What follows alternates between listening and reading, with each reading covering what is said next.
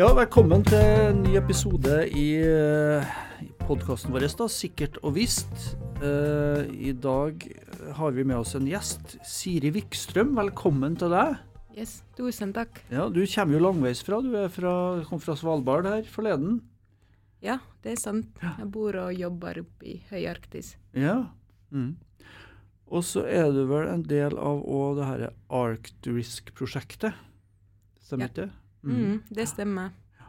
Så jeg jobber som postdok sammen med Eirik. Ja. Og Eirik, du er jo prosjektleder på, på Arctrisk. Ja, jeg er jo det. Ja.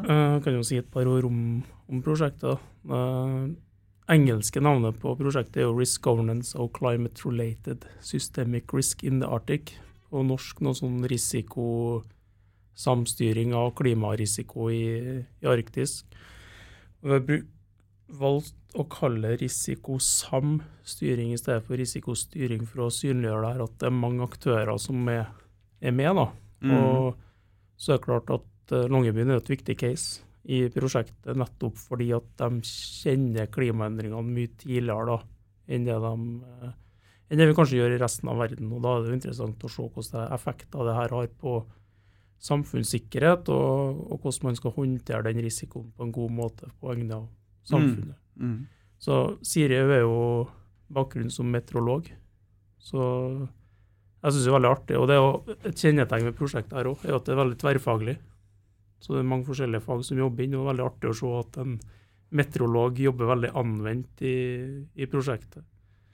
Mm. Men uh, Siri, du kan jo si litt, du som er eksperten på det her. Hva, altså vi snakker om klimaendringer. Hva er det vi legger i, legger i begrepet? Altså når vi snakker om klima og, og endring i klima, så er det jo sånn, hva skal vi si, statistikken i været endrer seg. Og en, og hva skillnaden i vær og klima er, så er jo at klima er sånn langtidsmidler av det været vi har. Så mm. vi, kan ha, vi kan ha én temperatur i dag, men klimaet er da kanskje et gjennomsnitt på ofte 30 år. Så mm. da ser vi hvordan gjennomsnittsjanuartemperatur er i en 30-årsperiode, f.eks. Hvis du ser på Svalbard, da, for eksempel, hvordan har klimaet endra seg der de siste 30 årene? Det har endret seg ganske raskt, og det, det er en av de på en måte bakgrunnsteppet i det her, hvorfor det er så interessant å jobbe med det prosjektet i Arktis, er at det er faktisk det stedet globalt som ser de største endringene. Mm. Og det er spesielt på vinteren. Og det, klimaendringene generelt skjer raskere i arktiske strøk. Mm. Og det har mye med det at vi har is, og vi har hav, og vi har luft som alle spiller sammen. Og når vi får inn mer varme i atmosfæren, så, klarer, så, fjerner vi en del av denne isen. Og da skjer de endringene ganske eller raskere. Og så er Svalbard da i den, den delen av Arktis som endrer seg aller, aller raskest. Så mm. Derfor blir Longyearbyen veldig interessant å se på hvordan, hvordan samfunnet der jobber med de endringene. Mm. For is er jo sentralt i den sammenhengen. ikke det? Altså at uh, isen, Når det er islagt på vinteren, så reflekterer det mye måtte, sollys Eller ikke sollys på vinteren, selvfølgelig, men eh, altså energi, i hvert fall. Sånn at du mm, Når isen forsvinner, så har vel det òg betydning, ganske stor betydning for måtte, temperaturen, stemmer ikke det? Mm. Så, og da er det jo snakk om spesielt is på sjøen. Vi ja. har jo òg is på land, som i, i isbreer. Ja. Men man kan nesten tenke på isen i, i Arktis som en sånn lokk på, eh, på, en kjele der du koker vann, pastavann, og så om du fjerner lokket, så har du plutselig masse varme vanndamp og, ja. som på en måte er tilgjengelig for lufta. Ja. Og det er det som driver de store endringene lokalt på Svalbard. Det har vært snakk om sånn tipping points. Er, er, det på en måte det at isen forsvinner, er det på en måte en sånn en del av et sånt tipping point, eller er det å ta i?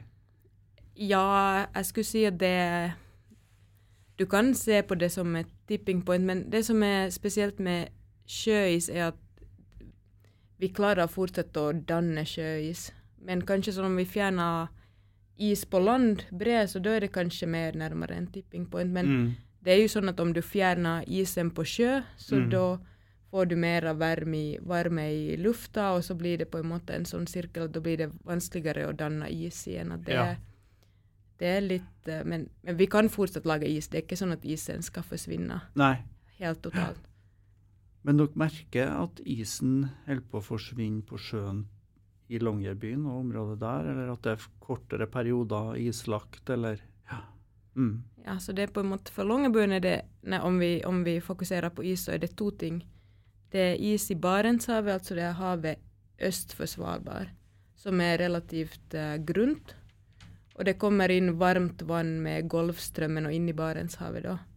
Og det har blitt varmere de siste årene. Og da klarer vi å Eller da smelter vi den isen, spesielt på vinteren. Og det här har då en sån, en sånn effekt på litt sån større skala i det som vi kallar europeiska Arktis, at det blir varmere. Og så lokalt for Långebyen som kanskje er mer relevant for lokalbefolkningar kanske, alltså, og trafikk, er at vi får in varmt Atlanthavsvann och fra vestsiden. Och det gjør då at vi får ikke isbelägg på Isfjorden, som er det store fjordsystemet der Långebyen ligger inni. Og da kan ikke vi kjøre scooter på isen. Mhm. og vi får inn nye arter. Vi har klart å fange sild i Isfjorden. Mhm. Ja. Men det er på en måte litt annen dynamikk. Det som er, skjer i Barentshavet er litt stor skala, og det som er i Isfjorden er bitte litt Mm. mer lokalt.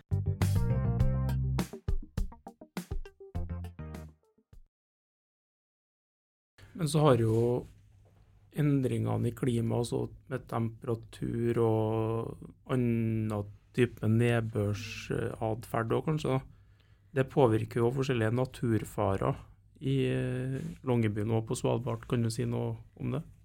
Ja, altså når vi, når vi fjerner det, det her lokket på denne kjelen, altså tar vekk isen, da får vi mye mer vanndamp og fuktighet opp i lufta. Mm. Og det vil da øke sannsynligheten for å få kraftig nedbør. Mm. Og så i tillegg så får vi varmere temperaturer. Og Svalbard er i utgangspunktet en ganske varm del av Arktis pga. det her varme vannet som alltid har kommet opp med Golfstrømmen, Mm. eller med den siste halen av Golfstrømmen. Mm. Så det gjør at vi er, vi er ganske mye Vi er ganske nære nullpunktet. Og da kan vi få Vi kan antingen få store mengder snø, som kan gi snøskred, Mm.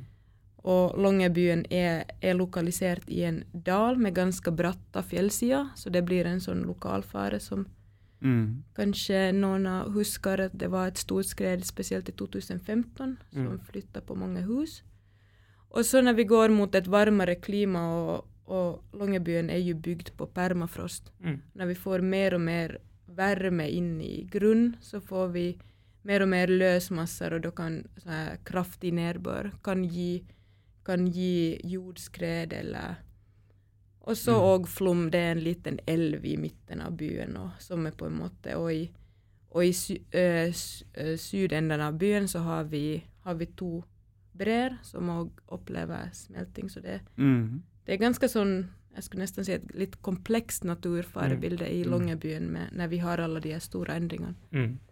Og så Hvis man tar på seg sikkerhetshatten i tillegg, da, Mm. så gjør bildet kanskje enda mer komplekst man ser hvordan de naturfarene her eh, påvirker kritisk infrastruktur, Mm. samfunnsfunksjoner, befolkninga liksom, i, i, i tillegg òg. Og det er jo det litt det prosjektet vårt handler om, å se de uh, sammenhengene her.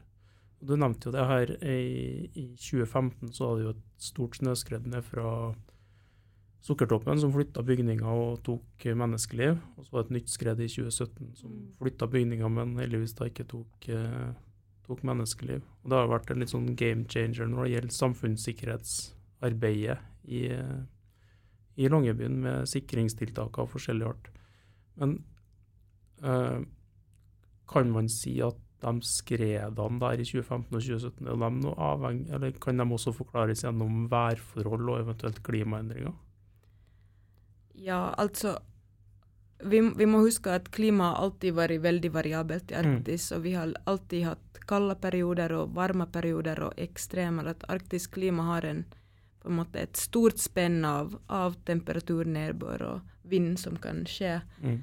Så vi kan, vi kan si at, at vi kan ikke si sånn én til én at det var klimaendringer at de skredene skjedde, men vi kan si fra, fra den dataen og de simuleringene vi har, at det er en tendens mot at sånne, sånne uh, skal, hendelser kan bli, kan bli Mm. litt mer, va mer vanlig. Og at det er på en måte Det har noen signaturer. Det var ekstremt stort nedbørsfall da i 2015, og det var Mm. høy vind. Så vi kan kanskje ikke si at den enkelthendelsen er lik med klimaendringene, men vi ser at klimaet er på vei i en retning der det her kan skje Mm. oftere. Mm. I hvert fall i, hva skal man si, de neste tiårene, og så, som vi sa, at det endrer seg veldig raskt, så kanskje vi går mot et klima der det er mindre snø og mer nedbør, og da kanskje mot slutten av århundret så kanskje ikke snøskred er et problem lenger, Mm. utan kanskje vi går mot sørpeskred og jordskred. At det, Mm. det, det er òg et jeg tenker, veldig viktig poeng i det prosjektet vi jobber med, at vi, vi når vi ser fram i tid, så er kanskje de naturfarene vi jobber med i dag, er kanskje ikke det som er det mest relevante om 50 år eller Mm. 70 år. Mm. Mm. Det her med sørpeskred er jo litt interessant. Vi har jo hatt en del skred også i siste her på fastlandet. Eh, men kan du si litt, hva, hva er et sørpeskred? Et, et sørpeskred er et våt, våt snø, eller et vått eh, snøskred. Ja. Altså det, det, har ikke samme, det har ikke samme prosesser som en av flakskred, som er de som vi ofte snakker om når vi snakker om Lyngen og skikjørere. Men det er når du får nok med vann inn i snøen, Mm. så brister på en måte nesten Man kan nesten si limen som holder sammen snøkrystallene, som Mm. brister for at det kommer så mye vann. Og da løsner på en måte hele, hele snøen. Ja. Det blir som en Så, det blir, så det blir en sørpe, Ja, rett det og blir, slett. det blir sørpe. ja. Så, men er det, er det på en måte sand, stein, eh, er det på en måte andre ting enn snø i sørpeskred da, eller er det, er det slush, for å si det sånn? Ja, det er slush. Altså Ja, det kom, ja. Du kan jo dra inn noe stein fra sida, men det er på en Ja. måte ikke noe Nei. som fokuseres på. Akkurat. Eller som, som er Mm. mm. Men det, men det her med sørpeskred har òg vært en utfordring kanskje over lang tid i Longyearbyen. Ja, det er jo en sånn dal som heter Vannledningsdalen der, som Mm. kommer, kommer inn, i, inn i byen. Og der har det vært en sånn tradisjonelt et sørpeskredproblematikk. Men, men fram til nå så har de dosa opp, altså kjørt en bulldoser opp og Mhm. bare fjerna snøen sånn før vårsmeltinga. Ja. Altså sørpeskred har jo vært et, et vår, tidlig sommerproblem. Ja. For at når, Ja. når smeltesesongen kicker inn. Mm. Men i 2012 så var det første gangen så skjedde det her faktisk midt i januar. Når vi fikk inn et sånt, en varm storm med, med masse nedbør og, Mm. og høye temperaturer. Mm. Og da ble på en måte lokalsamfunnet obs på at de, den her doseringen det er ikke et godt nok tiltak. Nei. Og på den årstida så var man vel ikke forberedt heller i det hele tatt, regner jeg med. Nei. Så det, det er liksom òg et element i de klimaendringene at kanskje vi ser litt av de samme ting, men kanskje tidspunktene når de skjer, endrer seg. Så det er òg en sånn en sånn joker i klimaendringene. Nå er jo et eh, for- forholdsvis lite lokalsamfunn, kan vi si. Eh, men man har jo på en måte opplevd en del hendelser de siste årene, fra 2015 og fremover. Eh, hvordan jobber man egentlig for å forberede seg på en måte for å forebygge at det her skal gjøre stor skade på, på både folk og materiell, for så vidt? Det er, altså allerede etter 2015-skredet så kom det jo planer om at man må gjøre noe. Det er jo ofte sånn, det har vi jo sett i andre sammenhenger, at etter en hendelse så begynner ting å skje. Eh, og da ble det ganske umiddelbart etablert et sånn eh, varslingssystem for å eventuelt evakuere da, i, i tilfeller der det er behov for det. Samtidig som at det begynte, som en følge av 2015-2017 så begynte man å legge planer utredning og planer for permanente sikringstiltak. Så hvis man eh, ser Longyearbyen i dag, så er jo byen veldig godt sikra gjennom permanente sikringstiltak etter at det har gått en periode der det har i stor grad vært basert på sensordata og lokale observasjoner i tillegg til værprognoser, som en varsler da har sittet og analysert. Og så har man gradvis bygd ut flere og flere permanente tiltak. Så vi har jo en tidligere episode snakka om forsvar i dybden, bl.a. Så det er jo et kjempegodt eksempel på, på det at man virkelig har mange eh, barrierer som til sammen er med å hindre skred, snøskred ned i, i, i sentrum gjennom eh, støtteforebygninger, som også skal lagre snø i dalsida, fjellsida, for å hindre at det kommer ned. Man har noen snøgjerder som skal hindre at snø akkumulerer og lager snøfonn, nærmest. Uh, og så har det kommet opp en kjempestor vold mellom fjellsida og, og byen. Uh, og i tillegg så, og det er jo liksom tilpasningsdyktighet da, i byen at man har det er vel omtrent 10 av byggene uh, har blitt flytta på ut av farlig, farlig sone. Um, jeg syns denne volden er jo litt interessant, for den er jo ikke bygd kun med tanke på, på å håndtere snøskred. Uh, Siri nevnte jo det her at det er ikke sikkert om 50 år så er det ikke sikkert snø er den store utfordringa. Men det er jordskred, sørpeskred. Så den volden er også bygd for å kunne håndtere den type naturfare. Mm. Og jeg tror jo det, det her er også, det er litt interessant med tanke på eh, overførbarhet til fastlandet og den, at man har, hatt de, eller har de permanente sikringstiltakene som er jo robust, men også veldig kostbare og tar lang tid å få på plass. I forhold til de liksom kortsiktige, mer fleksible, billige løsninger med, med varslingstjenester. Mm. Så tror jeg også det er verdt å ta med seg som en del av historien her at det er Longyearbyen er jo langt unna alt, Mm. som gjør at det er nok en viktig grunn til at man har brukt så mye ressurser på å sikre da, at hvis det først går galt, så er det begrensa med medisinsk beredskap, og det er langt å fly folk inn og ut, som gjør at det er bedre å bruke ressurser på å gjennomsikre som det er gjort. da. Så Man vil jo ikke se på fastlandet at man sikrer så omfattende på den samme måten. Men eh, jeg tror det er et poeng da, det med at kortsiktige tiltak, som, eller kortsiktige hermetegn, også med, med varslingstjeneste som er basert på lokale observasjoner og bruk av sensorteknologi, som stadig vekk blir bedre. Uh, en sånn fleksibel og mye rimeligere løsning som, som kanskje kan være like som også er effektiv da, som et uh, Mm. tiltak. Ja, for det er kanskje snakk om naturinngrep her, da, hvis man måtte skal lage omfattende fysiske barrierer, så, så er jo på en måte naturinngrep kanskje òg et uh, moment.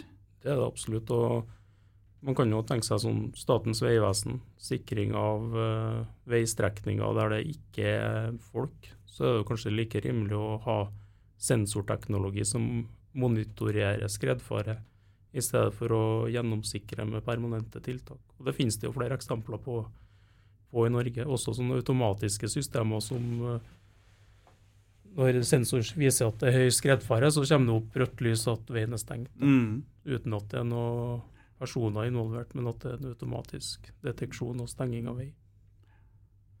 Nei, så det er jo på en måte Longyearbyen er jo på en måte en avgrensa område for så vidt, men så er det jo òg en stor turistnæring eh, på Svalbard generelt. Eh, store cruiseskip, eh, mye maritim trafikk. Eh, Hvilke farer på en måte ligger det for dem i det her med, med klimaendringer? Ja, det er jo mye, mye turisme oppe i Svalbard. Det er mange folk som vil komme og se den fine øygruppa. Um, det der med klimaendringer og cruisetrafikk, så kanskje sånn fra et nesten sånn operativt turismeperspektiv, så tror jeg det med at de isbreene smelter ganske, ganske raskt. Og om det er noen at de skal i land, så kan det være altså at, det, at de områdene endrer seg. Mm. Altså at du, kom, at du kanskje har vært i forrige sommeren, og så plutselig har breen smelta, og det ser annerledes ut. Så det kan, det kan være sånn når folk skal opp og bre på sommeren, så er det mye mer sprekker, og, Mm. og sånne Ja. ting tror jeg har, Mm. Har mye å Ja.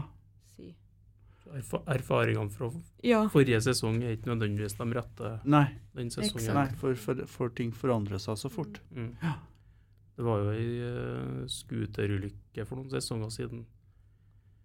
Der en scooter går gjennom ei snøbru over en isbrekk, nei, bresprekk. Og ramlende gikk bra da med personen. Uh, og de kjørte etter ei sånn scooterled som har vært kjørt i mange, mange år. Der man erfaringsmessig har opplevd at det er trygt. Mm. Og så har breen smelta, og så er det plutselig bresprekk der man ikke forventer at den skal være basert på tidligere erfaring. Uh, så det er jo et eksempel på nettopp det du sier, at det er ikke sikkert at erfaringene fra tidligere er de samme uh, når man planlegger årets operasjoner. Nei, riktig. Enn det her med sånn um, altså at det kalver, altså både isfjell og, og breer, at det kalver plutselig. Mm. Uh, og, og, og, hvis det er et fartøy i nærheten, da, så kan det, kan det være en fare. Er, er, det noe som på en måte har, har skjedd, eller som Ja. måtte ha vært relevant? Ja, jeg tenker at det er jo, det er jo alltid en, litt av en risiko å komme veldig nærme en aktiv bre. Og, Ja. og det er kanskje ikke så klimaendringsrelatert. Nei. De, de breene har på en måte en sånn livssyklus der Ja. de av og til kalver, og så kan nedbørsmønster og som kan være relatert til klimaendring, da driver det, men jeg tenker at det er kanskje en sånn En kontinuerlig fare Ja, måte, som har Ja, vært der. sånn, ja og litt som, med, litt som med isbjørn. Altså det er noe som er en risiko i, i, i Arktis, og kanskje ikke Klimaendringer vil, vil sikkert endre på mønster hvor bjørnen er, men, men det at det er bjørn, det er ikke noe nytt. Nei. Men kan man si at bjørn endrer litt atferd som følge av at klima og værforhold er annerledes? Eh, Ja, altså Bjørnen elsker jo is og er jo egentlig et sånt hav, havpattedyr som, som, eh, som spiser sel. Og når, Mm. det ikke, når det ikke er så mye is tilgjengelig, så finnes det flere eksempler på at bjørnen har eksempel lært seg å spise reinsdyr. Ja. Mm. Det er et sånt, ja, for de er tilpasningsdyktige. ja, jeg Ja. tror bjørnen er veldig tilpasningsdyktig. Ja. Mhm. Akkurat som Longyearbyen-samfunnet. Ja. Ja. Ja. Men Siri, du er jo postdok. Eh, hva er det du jobber med no akkurat nå, sånn eh, forskningsmessig? Så det som vi jobber med nå, er egentlig å bruke min bakgrunn som meteorolog og, og i klimavitenskapen mot å lage verktøy som kan, som kan være til støtte i, i beslutningstaking og planarbeid mm. i, i et samfunn som opplever de klimaendringene veldig raskt. Mm.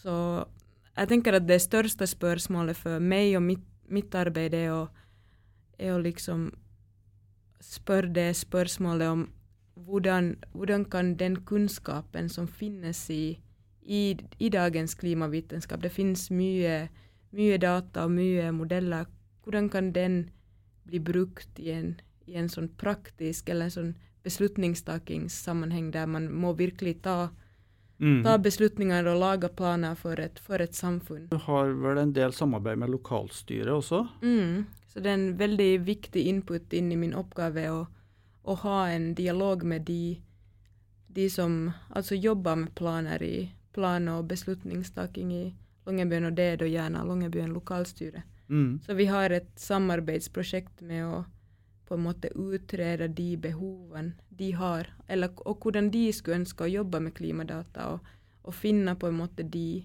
de punktene der vi kan samarbeide, og der det arktiske prosjektet kan hjelpe å skape ny kunnskap som er nyttig for, for lokalstyret. Mm. Og så er det jo sånn at um, Longyearbyen er en ganske, en ganske liten kommune, og så er det veldig ganske annerledes utfordringer enn på fastlandet. Og så er det òg litt mindre ressurser, liksom det er ikke det er ikke helt som en fastlandskommune, så da er det noen produkter sånn, som til eksempel Meteorologiska instituttet eller Norsk Klimaservicesenter lager, som finnes for Longyearbyen. Men de kan være litt annerledes. Det kan være at det ikke er like finmaska produkter, og da prøver vi å komme inn der og på en måte jobbe sammen med de, så de får den, mm. det kunnskapsgrunnlaget som, som fastlandskommunene har, altså til den grad det er mulig. Altså det er ikke Det er ikke Vi har ikke så god forståelse om klimaet i Arktis, og vi har ikke så mye data, så vi kan ikke De produktene er ikke helt like gode for Svalbard, mm. men, de, mm. men det jobbes hårdt Ja. både på Mett og, Ja, og for å ja. Og lage. når du er der nå, så blir det vel mye bedre, regner jeg med. Ja, vi håper det. Ja, vi satser ja. på det. Yes. Men de, de får tenke litt sånn Nå snakker vi veldig mye om Longyearbyen Mm. og klimaendringer der, og effekt på samfunnssikkerhet, men det betyr jo ikke at resten av Norge, resten av Europa, står også i lignende situasjoner. En merker kanskje ikke klimaendringene så mye som man gjør i Longyearbyen i dag. Da. Og de her eh, klimaprofilene som du snakker om, er et viktig kunnskapsgrunnlag for ikke bare i Longyearbyen, men også hele Norge. Så der finnes det jo sånne klimaprofiler som sier hva de sannsynlige scenarioene er da, mot slutten av århundret for eh, det følger den gamle fylkesstrukturen. Så det finnes både for Nord- og Sør-Trøndelag f.eks. Eh, og da, da er det f.eks. For, for Trøndelag forventa at det økt mer ekstrem nedbør, mer nedbør generelt, som fører til mer flom eh, av forskjellige arter. Og Det kan man finne for alle, alle fylkene. Og så er det vel litt den samme utfordringa der og at det blir litt grovmaska også for også lett for oss å tenke Trøndelag, da. Så klart det er forskjell på en kystkommune i Trøndelag og en Røros Mm. som innlandskommune, som har en helt annen topografi og annet klima i utgangspunktet. Så det her med å ha finmaska nok klimakunnskap, det tror jeg er viktig også for fastlandskommuner. Da, at det er et viktig eh, Mm.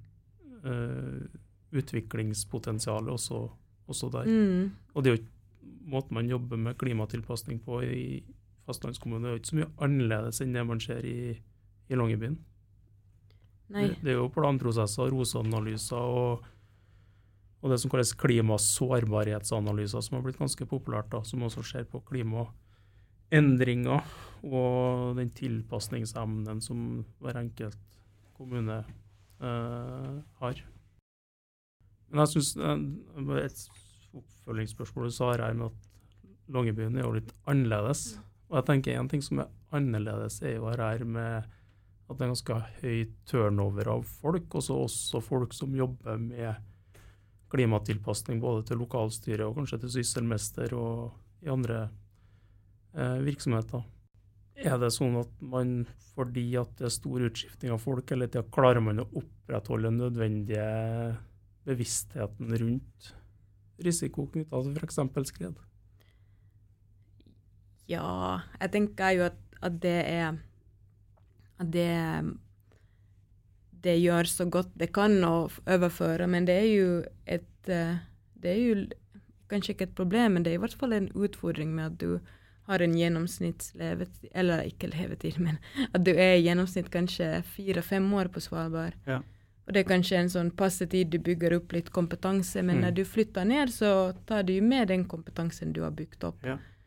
Og da tror jeg det er sånn, om vi tenker på folk som bor i Trøndelag, og familier har bodd her i, i titalls, titalls år, så da er det jo noen sånn tradisjon og kontinuitet i det. Men i Ja. Longyearbyen så kan det være at, at nå er det, nå er det begynner det var syv-åtte år siden de siste skredene, at det kanskje Nå flytter det opp nye folk, og de er kanskje ikke så bevisst på skred. Nei. Så- Og det finnes jo heldigvis òg noen kontinuitetsbærere eh, i Longyearbyen også. Mm. Eh, så er jo et spørsmål hvor annerledes det er, da. For det er vel en del kommuner som kanskje opplever det samme. Ikke med at nødvendigvis det turnover, men også at det er stor rotasjon på hvem som har de forskjellige hvem som har de forskjellige rollene i, et, i en kommune, i en mindre kommune. Det er kanskje den som har samfunnssikkerhet som ansvar, har det som en 10-15 av stillinga si, og så roteres det på, på hvor han jobber i kommunen, så kommer det ny en og tar over den 10 %-stillinga. Så jeg tror ikke det er annerledes, men jeg tror også at man i hvert fall i en del små kommuner kanskje ser litt av den samme problematikken rundt uh, turnover i nøkkelroller. Da. mm. Og så er det jo en ting som vi har sett i prosjektet, er at ofte er det de konsulentene eller de som kommer inn og skal jobbe med noe, si uh, planere et, en støtte for bygning, at plutselig kan det være noe foretak som har en veldig egentlig en ganske lang kontinuitet, at de har jobba lenge i. Mm. At det Mm. på en måte Den kontinuiteten ligger et annet sted enn man kanskje skulle tenke at Ja. den skulle ligge. Ja. Ja, nei, men da må vel vi avslutte på vanlig vis, Eirik. Jo. Takk til Siri, og takk for oss, og ikke forhåndholdes. Hva sier man på finsk? Ikke forhåndholdes. Stay safe. Uh, turvallista matkaa.